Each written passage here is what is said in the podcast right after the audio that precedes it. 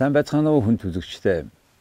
Өнөөдөр манай дефакто нэвтрүүлгийн зочноор Net Capital санхүүгийн группийн туузын дарга Grep City технологийн компани гүйцэтгэх захирал Сүнди оролцож байна. Дорж Ренцингийн сүндий Net Capital санхүүгийн корпорацийн төлөөлөн удирдах зөвлөлийн дарга, Grab City технологийн группийн төлөөлөн удирдах зөвлөлийн дарга. Сүндийн мэдээлэл технологийн инженер мэрэгчлэр шинжлэх ухаан технологи их сургуульд бакалавр болон магистрийн зэрэгээ хамгаалсан. Тэрээр 2010 онд Net Capital банк бус санхүүгийн байгууллагыг үүсгэн байгуулсан бөгөөд тус байгууллага нүдгөө 100 гаруй ажилтнтай болон өргөжсөн. 2017 оноос эхлэн Grab City Mongolia компани буюу банкны суур шийдэл програм хангамжийн чиглэлээр үйл ажиллагаа явуулдаг технологийн группийн төлөөлөн өдрөх зөвлөлийн даргын үргийг мөн гүйцэтгэж байгаа. За сайн байна уу та? Сайн байна. Сүнди гэдэг чи одоо ямар нэр вэ? Энтхийг нэр. Сүнди төвд гаралтай нэр. Одоо нэг алтан гэрэл гэдэг шиг. Юу гэсэн үг вэ? Ном байдаг штэ. Ер нь бол орчуулах юм бол Бурхан багшийн айлтгалын хурангуу гэсэн үг л дээ. За. Аа орчин цагт бол би номын сан гэж орчуулдаг өөрөө. За за номын сан за. Тэгэхээр та үнэхээр номын сан шиг санхүүгийн санхүүгийн бид нар финтек гэж яриад ш сүүлийн үед. Энэ орчин үеийн хэвлэл мэдээллийн харилцааны энэ технологич нь бидний бодож исэн юмд хүртэл шал өөр болгоод амьдралд маш их боломж өгж байгааг бид нар асар их боломж ирж байгаа юмны 11-ийн ч бүрэн авахгүй нэгийг авчихад хэрүүгээр их баярлаа дахиад байна да. Тэгэхээр энэ утгаараа хоёулаа санхүүгийн байгууллагын хувьд энэ орчин үеийн технологиг ялангуяа хамгийн сүүлчийн одоо гар утсан дээр бүх юм орчоод байна шүү дээ. Энийг ашиглах яагаад тийм их чухал юм бэ гэдгийг та нэг хэлээд өгөөч. Э одоо бид нар зөндөө асуудал руу ороод санхүүгийн 28 жил арч шилжээд явлаа. За зөвхөн банк нь хөгжижээ 95% цагуугийн зах зээлийг эзэмшиж байна гэд. Зөндөө шүүмжлэн. За хүүгээ буулгах ч гэдэм хүүний дээд хязгаар тавья гэд. Тэгээ энэ маань өөрөө юутай холбоотой юм бэ гэхэлэр тэгвэл санхүүгийн зах зээл илүү либералчлагдаад өрсөлдөөн бий болох. А дээрэс нь зардал нь буурах ёстой. Тэгэхээр одоо цөөхөн тоглогчтой зах зээл дээр бол үйл ажиллагааныхаа зардлыг хэмнэхийг хүсэхгүй байна л да. Үйл ажиллагааныхаа зардлыг хэмнэхгүй. За тэрийг өртөхдөө тооцоод тэгээ үнэ тогтоодог. А гэтэл өрсөлдөөд ирэх юм бол үн маань буугаад ирнэ. Үн маань буугаад ирэхлээр үйл ажиллагааныхаа зардлыг хэмнэх илүү ухаалаг байх шаардлагатай болж байна. Хүссэн үсээг. Тийм. Энэ яг баримтанд хэлэхэд нефтийн компаниуд гаднаас адилхан үнээр авж байгаа ч гэсэн өрсөлдөө байхгүй гэдэг. Өвөө өрсөлдөө нь яг энэ шиг зардлаа бууруулахад яаж ажиллах вэ гэдэг бас яг адилхан анамайл гаргаад байна тийм ээ. Тийм. Одоо ийм асуудал үүсэж байгаа юм л да. За хоёр жишээ хэлэхэд Rockefeller-ыг монопол байна гэдэг. Тэгээ компаниудын задлсан байт. Тийм, стандарт ойлыг тийм. стандарт ойлыг. Тэгээ задлсан чи хэн хоцсон бэ гэхээр Rockefeller хоцсон. За. Нөгөө компаниуд нь хоорондоо өрсөлдөөд ховцоо эзэмштэй хамаагүй хашиг хийж гисэн. Аа. Тийм. Microsoft-ыг бас задлсан байт. Хитрхийн монопол. Аа Тэгээ тухайн үед э, нөгөө Microsoft дургуул байгаа шүү дээ. Хүчээр задлагдаж байгаа юм чи. Тэгээд хэн хоцсон гэхэлэр Microsoft, Microsoft-ийн хувьцаа эзэмшигч эздүүд очсон. Аа. Яагаад гэвэл өрсөлдөө бий болоо нөгөө компаниуд нь ухаалаг ажиллаж гисэн. За тэрнтэй адилхан нефтийн компани дээр ч гэсэн тэгэх боломжтой л доо. За яагаад заавал энэ компаниуд нэг цол удирдлага дотор байх ёстой гэж. Тус тустай колонкууд 4 5 колонкууд нийлээд нэг компани шиг байж болно л доо. Тэрийг илүү одоо огшн байдлаар зарлцдаг. Тэгээ тэрэн дээр юу зарлагдах вэ гэхээр үнэл зарлагдах байхгүй. Хин хамгийн хамд үйлчлэгээ үзүүлж чадах вэ гэдэг газар нь л ороод ир. Яг бол нефтийн бизнес бол ойлгомжтой бизнес шүү дээ тий. Олон улсаас хамаарна, Оросоос хамаарна орж ирсэн хойно тэд нар зардлаараа өрсөлдөж байгаа. Тэгэх юм бол одоо жишээ нь боломж байгаа шүү дээ. Оросын холбооны улс ч байна, бусад газрууд ч бүгд одоо шатхуун төвөөгч байхгүй болсон. Өөрөө хүн хийгээд өөрөө төлбөрөө төлөө явдаг. Энэ систем бүгд бэлэн байна л да. А гол нь яагаад энийг хийхгүй байгаа юм бэ гэхэлэр хийлээгээд мотивац байхгүй байгаа байхгүй. Хаштал тэрийгэ зардлаа нэмэл ийм өртөгтэй дээр нь нэмэл үнээрээ зарна. Онлын хувьд хөдөө шүн аль нэг сум дээр явж хагаад онлын хувьд тэр бичцэл байгаа үед өөрөө очиод өөрөө уншуулад ямар тэр хүнгүүгээр аваа явах боломжтой тийм ээ. Боломжтой. Бүрэн боломжтой. За тэгэхээр за шатхууныхын хийхгүй. Хоёлаа банкнуудын тухай ярив. За банкуудын хүү өндөр байна. Яс Жишээ нь за хадгаламжийн 16% аваад зээлийн 24% өгöd ш. Энэ 8% чинь хооронд өөрийнх нь үйл ажиллагааны зардал 5 6 гэдэг. Одоо 2 3 гэж ярьдаг л да. Гэхдээ үүндээ бол 5 6 байна тийм ээ. За яг 2 3 ч байсан гэсэн пропорцоор ярил л. Тэг яагаад банкуд хоорондоо тэгж өрсөлдөхгүй байгаа юм. Тийм яагаад болохгүй вэ? Зохицуулт хийх шаардлагатай байна л да. Зохицуулт хийгээд хоорондоо өрсөлдөх боломжийг хангаж өгөх хэрэгтэй. За. Тэгэх юм бол ер нь э, жишгээс харахад бол хамгийн том банкуд, хамгийн хэрэглэгчтэй банкуд нь шинэ хождог байхгүй. Өнөөдөр болохоор э, баг эртэл зах зээлийн 80 70 80% нь хаамаг эзэмшиж байна л да. Гэтэл бусад э, банкуд нь илүү одоо аж ахуй нэгжрүү чиглэсэн ч юм уу цөөхөн мөнгөтэй хүмүүст үйлчлэх талдаа. А тэгвэл энэ хоорондоо данс эзэмших эрхтэй болох ёстой. Данс одоо сүүлийн үед бол дата ирэх гэж яриад байгаа юм л да. Дата ирэх, датагаа эзэмших. Тэгвэл бидний явж ирсэн 28 жилийн түүхээс харахлаар болохоор данс бол банкны өмчгөө болгоцсон. За, данс ч тэгээ хувь миний данс бол миний хөрөнгө байх нэ дээ. Данс бол таны хөрөнгө байхгүй юу? Аа. Тий. Та тэрийг банкнд төлбөр төлж байгаа. Энийг миний өмнөөс бүртгээд өгөөч. Миний мөнгийг хадгалаад өгөөч. Аа тийм. Хэрвээ данс банкны өмч байсан юм бол таны данснаас банк дураараа гүйлгээж чадна. Гэтэл чаддаггүй. Заавал таны зөвшөөрөлтөй хийдэг. Та банкн дээр очиж гүйлгээ хийж болно. Би банкн дээр очиод өөрийнх нь гэрийг л барьсан юм биш үү? Тий. Тэр би гэртээ орно мөнгө юм гэр юу оруулна юу гаргана гэдгийг банк биш би мэдэж байгаа ш мэдээж ер нь. Тий.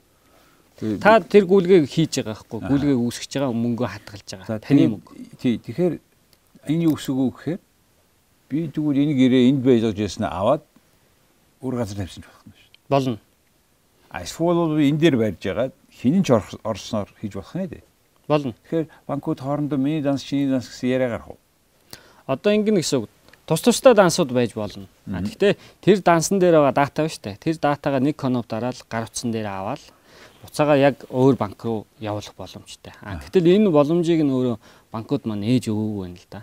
Тэгээ нээж өхийн тулд өөрөө зохицуулт хэрэгтэй. Аа магадгүй тэд нар юу гэж бодож байгаа болохоор одоо би харилцагчийнхаа мэдээллийг алдан ч гэх юм. Тэгэхээр өнөөдөр бид нар 3 сая гарахан харилцагч байна тий.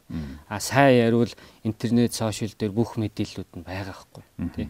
А зүгээр энэ өөрөө зардлыг бий болгоод байна л да. Эдийн засгчдэр банкн дээр ч гэсэн тэр та одоо дансныхаа уулгыг очиж авахын тулд очиж тамгалуулдаг тий. Одоо энэ их хотын төвжирэлд хүмүүсүүд очиод тамгалуулна гэдэг чинь бүтэн өдрийн юм уу эсвэл тал өдрийнхээ ажлыг алдаж байгаа. Тэгээ банкуд энэ чинь өшөө зарим нь одоо жоохон мөнгө төлөөд интернет нээлгээ тэрийгэ татсныг зөвшөөрөхгүй юу? Тэрийгэ татхлаар зөвхөн цаасаар хэвлэгдээд байгаа хэрэг. Тэгэхээр тамах хэрэгтэй гэдэг. Тий. Тэгэнгүүт аль биесээр конопт дараад нөгөө байгууллагууд руу явуулах бүх боломж нь нээлттэй. Тэгэнгүүт тэр линкээр нь ороод нөгөөх нь нөгөө байгууллага нь харахлаар одоо мэдээлэл нь байж гэнэ гэсэн. А энэ бол тэгвэл аль биесны юм а одоо хаан банкны тим линкээр ороод ингээ харахлаар тэр мэдээлэл нь байна. А гол нь би тэрийг нэг коноп дараа шаарлах их. А энэ технологийн хувьд бүрэн боломжтой. Тий. А дараачийн нэг асуудал нь дансаа дурын хитвчнээсээ удирдна гэсэн үг. Энэ юу гэсэн үг вэ гэхээр та өөрийнхөө картыг хитвчэндээ хийцэн байж идэг тийм үү? Тэ зодтолтой хөгжлийн карт, хааны карт, голомтын карт, хасын карт ч гэдэг юм уу тий. А гэтэл энэ дансууд маань өөрөө нэг програм дээр байх боломжтой. Зөвхөн ганцхан гар утасны програм дээр. Энийг болохоор mobile wallet гэж нэрлэдэг юм л да. А өнөөдрийн байдлаар болохоор банкуд маань тус тусдаа нэг нэг walletтэй. Нэгдсэн wallet өнөөдөр алга байна л да. 10 жилийн өмнө бид нар Most Money гэд хийсэн. Энэ дээр одоо бол 3 4 хүн банк нэгдсэн байгаа. А бусад банкуд нь чинь орж ирээгүй. А энийг ямар зохицуулалтаар хийх вэ? Ер нь гадны Европын холбооч гэдэм үү энт хэднэрт бол зохицуулалт хийж байгаа Яагаад зохицуулт хийж байгаа вэ гэхээр нөгөө харилцагчаа бодоод дээрэс нь тэр мөнгөний урсгалаа. Хэрвээ санхүүгийн систем маань өөрөө өндөр зардалтай байгаадах юм бол гадны инвесторууд орж ирэхгүй гараа явчихна. Тий.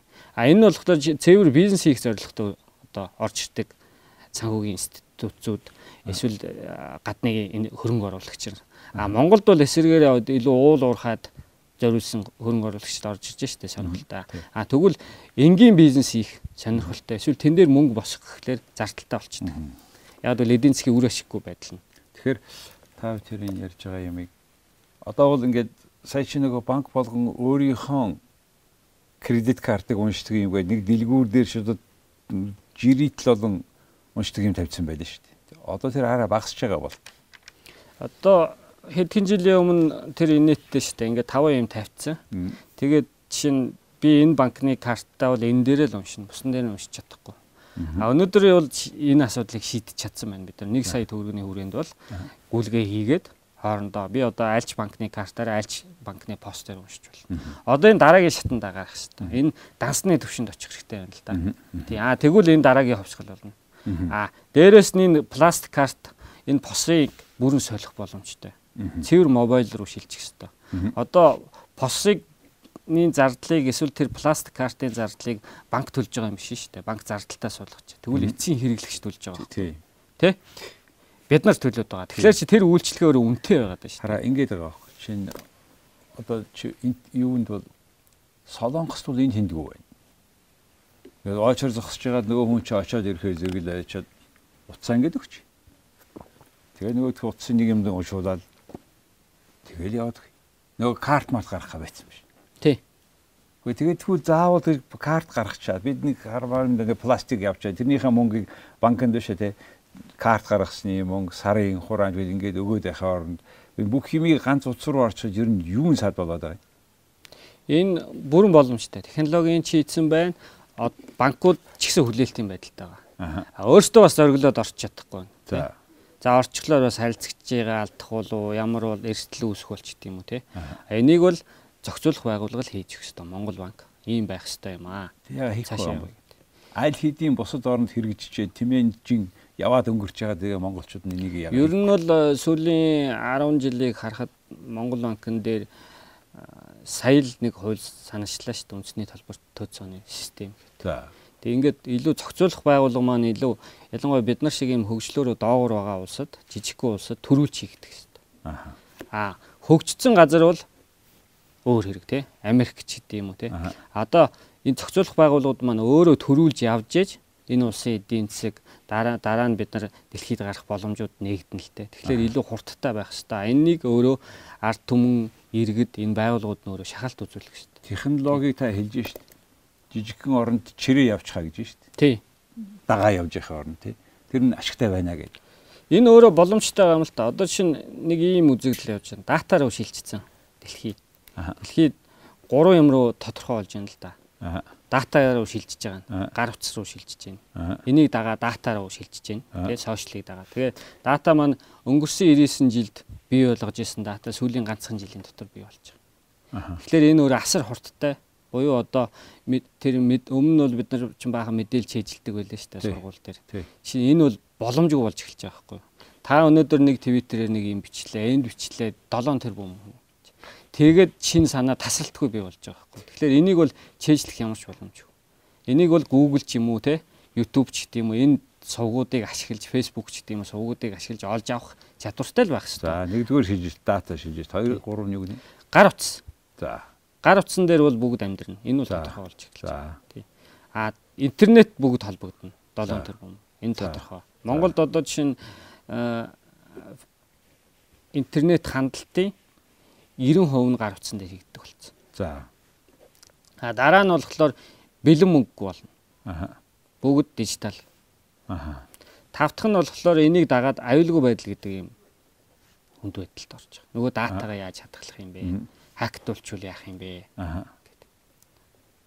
А энтэй холбоотой бүгд ингээд дижитал болоод ирэхлээр нөгөө салбаруудын одоо тэр лайн гэдэг юм уу да. Тэр нь одоо ялгаа нь тий. Ялгаа нь байхгүй болж эхэлж байна. Хил хязгаар нь алга. Хил хязгаар нь алга болж эхэлж байгаа. Өмнө нь ингээд салбар салбараараа 20 30 салбар тэгээ тус тустай онцлогтой ингэдэг байсан. Тэр нь юутай холбоотой гэхлээр гар ажиллагаа ихтэй байсан талбарт. А тэгвэл энийгээ дагаад автомат дижитал болсноор энэ байгууллагууд маань өөрөө ижлэхэн болж эхэлж байгаа. Та биш тийм яг энэ дэлхийд дэлхийд та харилцаа холбоонд ажиллаж исэн. Монголын засгийн газрын энэ бүх яамдын бүх мэдээлэл харилцсан одоо цаасгүйгээр бие биентэй өгж авалцах, хуваалцах яг адилхан байх тийм боломж өнөөдөр бий болсон. Өнөөдөр бий болцсон. Одоо энэ дээр улс төрийн зориг гаргаад хүчтэй хэрэгтэй. А дээрэс нь энэ өөрөө одоо жишээ нь өмнө л хэцүү байлаа л да төрийн байгууллагууд маань өөрөө сервергүй өөрөө дата мэдээлэл хадгалж чаддаг ус. Одоо бүх байгууллагууд хадгалж байгаа. Тодорхой хэмжээнд солилцож байгаа. Одоо нэг арт түмтэй шаарилдаг. А би одоо тэр банкн дээр их дансаа эзэмшиж чадахгүй нэгсэн шүү дээ. Яг тэрнтэй адилхан би төрийн байгууллагатайгаа мэдээлэл эзэмшиж чадахгүй. Жишээ нь би тэнд одоо машиныхаа бүртгэлийг хийлгэсэн байхгүй юу. Дахиад нэг газар албан журмын даатгал даатгуулсан. А тэр мэдээлэл рүү би хандаж чадахгүй байхгүй юу. Тэгвэл тэр хандах эрхийг нь өгөх дээ. Хандах эрхийг нь өгдөг болчих юм бол би босод байгууллагууд шаарлаа явчихна. А тэгэх юм бол энэ зээл гаргалтын процесс ч гэсэн хамаагүй зардал багтаа байна. Тий. Танах Grape City гэдэг энэ Японы анх технологийн компани Монголд орж ирээд монголчууд бас хамтарч хөрөнгө байгуулад ингээд одоо миний мэдхэл 20 жил явчлаа л да. Тэгэхээр 18 дахь жил. 18 дахь жил дээ. Тэр Grape City чинь яг энэ юм юу хийдэг юм? Яг энэтэйгээ холбоотой. Grape City маань одоо арилжааны банкуудын 85% гэн хангаж байна. Яг дотоодын систем. Цэвэр Монгол инженеруудын монголчуудын хийсэн систем. За. А дэлхийн хэмжээний системүүдэд чинь өрсөлдөхүүц байна. Одоо чинь Oracle гэдэг юм уу, Infosys гэдэг юм уу. А яагаад өрсөлдөхүүц байж болоод байгаа юм бэ гэхээр дэлхийн хэмжээний компаниуд маань өөрөө төрүүлээ хөгжсөн. Төрүүлээ хөгжихлөөр мянган хүнтэй банкнд зориулж хийхгүй байна л да. Ажилтнтай банкнд зориулж 50 мянга 100 мянган хүнтэй. А дээрэс нь өөрөө энэ системийг асар үнэтэй худалдаж явна гадны системүүд. А дараа чи нэг авдаг юм зөвлөх үйлчлэгээ. Тэр нь дахиад хэдэн сая доллараар. Гэтэл манай дээр юу болдог вэ гэхлээр нөгөө систем худалдаж чивчээ зөвлөх үйлчлэгээ аваад кастомайз хийж чаддаг. Орон нутгатаа яг банкндаа тохируулаад. Тэгэхээр энэ систем нээр хитрхийн нүсэр. Банкуд чинь нэг хэсэг интерфейс зарим нь аваад нэг нь Oracle хийж аваад баахад дахиад. Одоо энэ системүүд өөрөө хоцрогдчиход байгаа байхгүй юу? За. Шинэ шинэ стартап буюу сүүлд тэр project management-ийн том компани Trello худалдаж авлаа л та 400 сая доллар. Тэр бол хэдхэн залуучууд л хийсэн. Гэтэл тэр нь өөрөө илүү хамаагүй хүнд ашиглахад хялбар шал өөр нүдээр хараа хийсэн ба шүү дээ.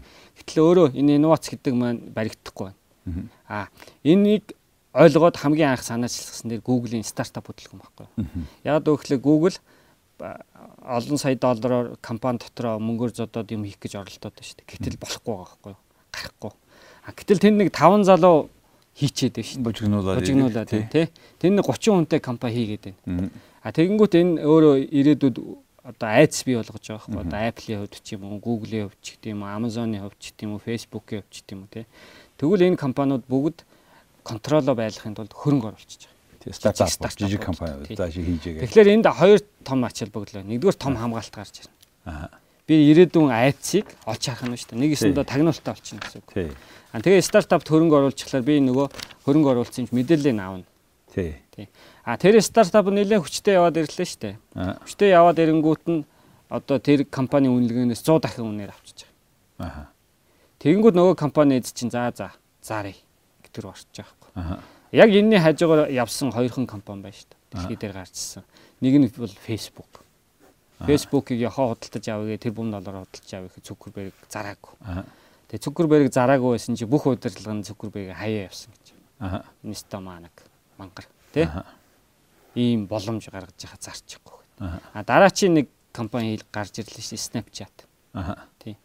Uber гэдэг. Ингээд энэ гурван компани гарч ичээд байгаа. А бусд нь бол стартап хэлбэртэй байгаад байгаа. А эсвэл зарагдаад байгаа байхгүй. Боож амжаагүй багт нь худалдаж авчиад байхгүй. Тэгэхээр банкны систем Монголд ч гэсэн энэ том компаниуд стартапуудыг санхүүжүүлэх нь өөрийнхөө чиглэлээр өөрсдөд нь хамаагүй ашигтай юм байна. Тийм ээ? Хамаагүй ашигтай. Тэгэхээр банк маань өөрөө энэ санхүүгийн одоо Монголынхаа компаниудтай хамтарч ажиллах хэрэгтэй. Тэр гадны компаниудтай хамтарч ажиллахлаар нэгдүгээр тэд нэр Монголын зах зээлийг тоохгүй байгаа. Ач холбогдол маш багтай. Монголын бүх банкуд нийлээд. А тэгэхээр тэд нар яг нь бэлэн бүтээгдэхүүнийг зарж байгаа. Монголын банк нь одоо жишээ нь бид нар банк нь дэлхийдээ өрсөлдөхийн тулд илүү хөгжсөн байх хэрэгтэй шүү дээ. Тодорхой нэг технологиороо биш юм аа гэхэд тэр технологиг ашиглаад хийж байгаа бүтээмж, дизайн, креатив байдал те тэр инновац дээр өрсөлдөх хэрэгтэй байхгүй. Энэ дээр бол монгол залуучууд бүрэн чадамжтай байна л да. Яг энийг хэлээд та бүхэн ярьж байгаа зүйл ганц банкч биш бүх салбарт бүхэл хаана мөнгө явж байгаа салбар биш санхүүгийн салбар гэж ярьж байна те. Одоо одоо ингэж шүү 9-10 ихтэй уцыг ашиглаад 15 сая хүртэл мөнгө шууд өгнө гэж байгаа. Тэр хооронд тэр утасных нь бүртгэлийг нөгөө хүнтэй чи очиод Mobicom дээр өөр дээр шилжүүлэх нь ш барьцаалаа тийм үү. Тэгээ дараа нь ч өгөхгүй нэг шууд нэг авчих нь ш. Одоо жишээ нь хятад бол ингэж байгаа штэ. Хятадыг Америкууд шүмжлээлсэн те.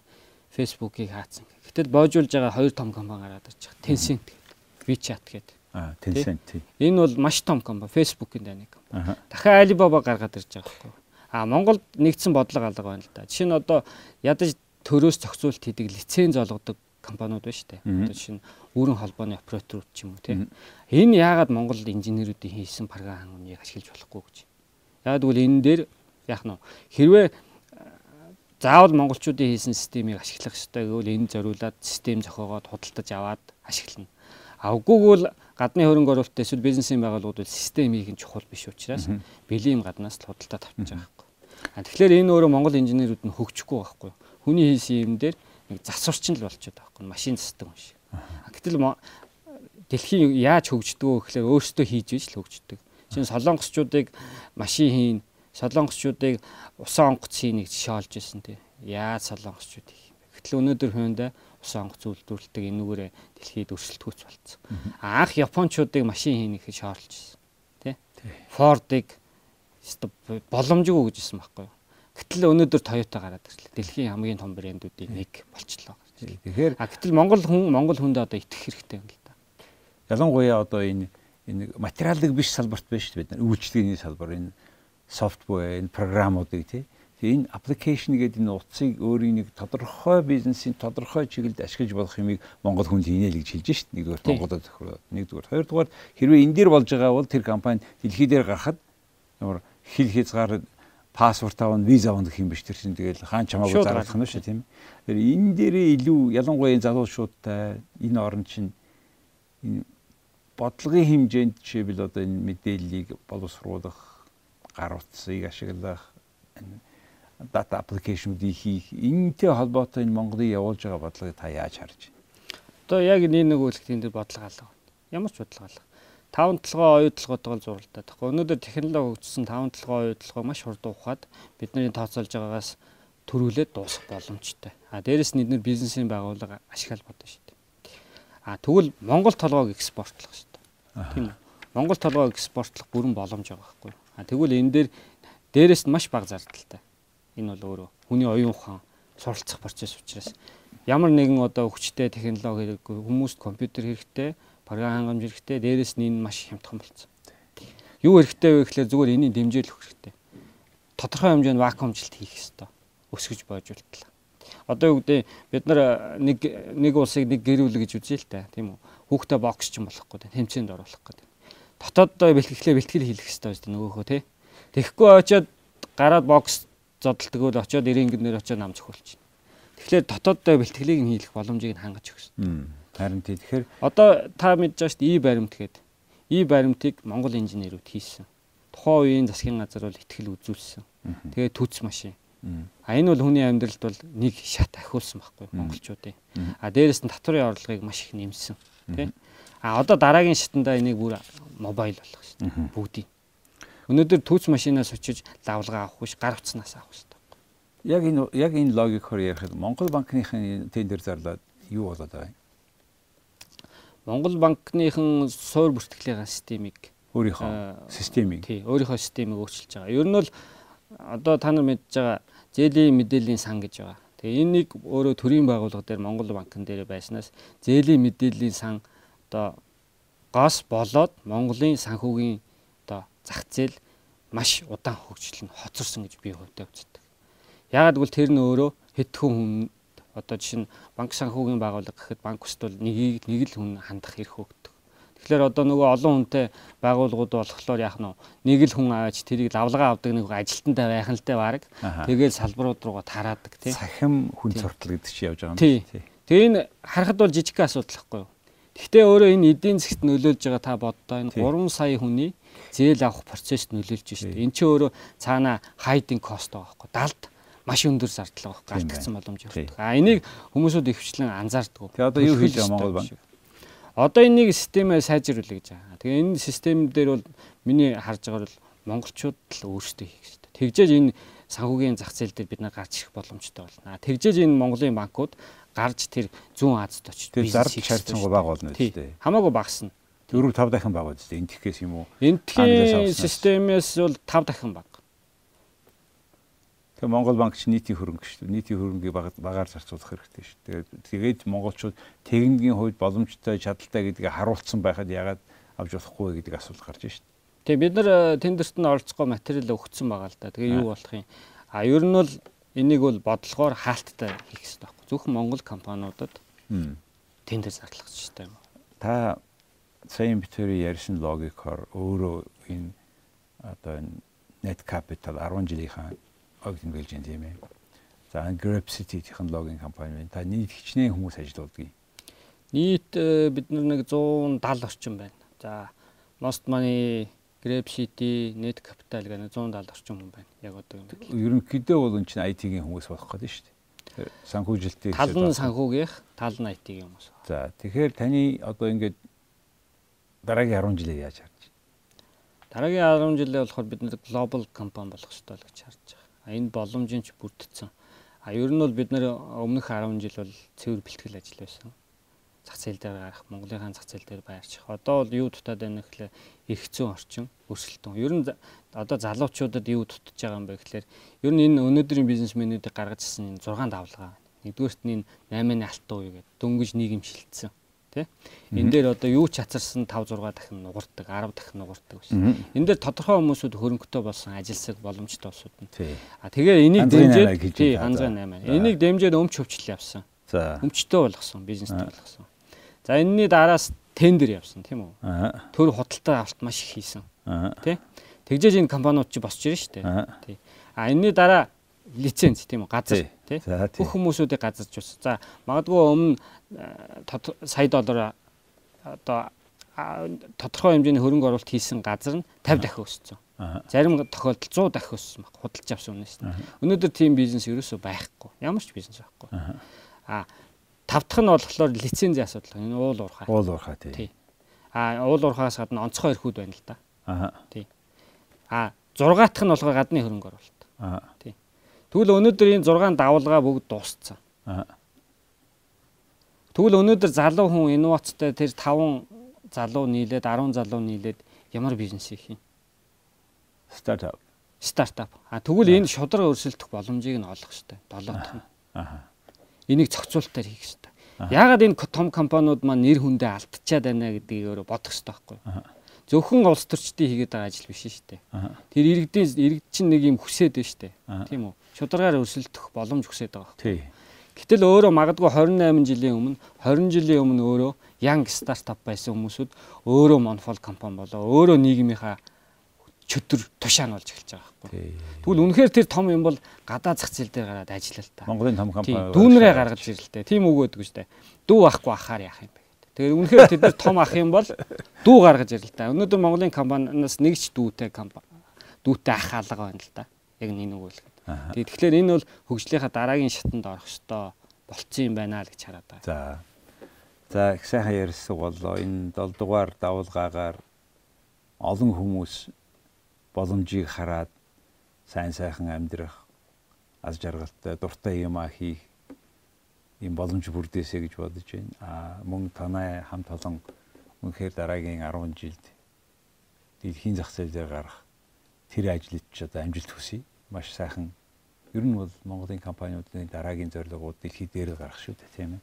Тэгээ та бүхэн танай энэ хоёр компани дээд их сонин ажил хийгдэж байгаа юм байна. Тэгээ танд танай хамт олонд амжилт хүсье. За ажил. Баярлалаа. За хүн төзөгчтэй өнөөдөр манай де факто нэвтрүүлгийн зочноор Net Capital гэх санхүүгийн байгууллага тэрний туузын дарга нь нэг эзэн гэсэн үг. А мөн энэ Grab City-гийн туузын дарга энэ технологийн компани. Энэ энэ хоёр ажлыг хариуцаад ингээд 170-аад хүмүүс ажиллаж байгаа энэ Сүнди гэдэг зад оролцлоо. Баярлалаа.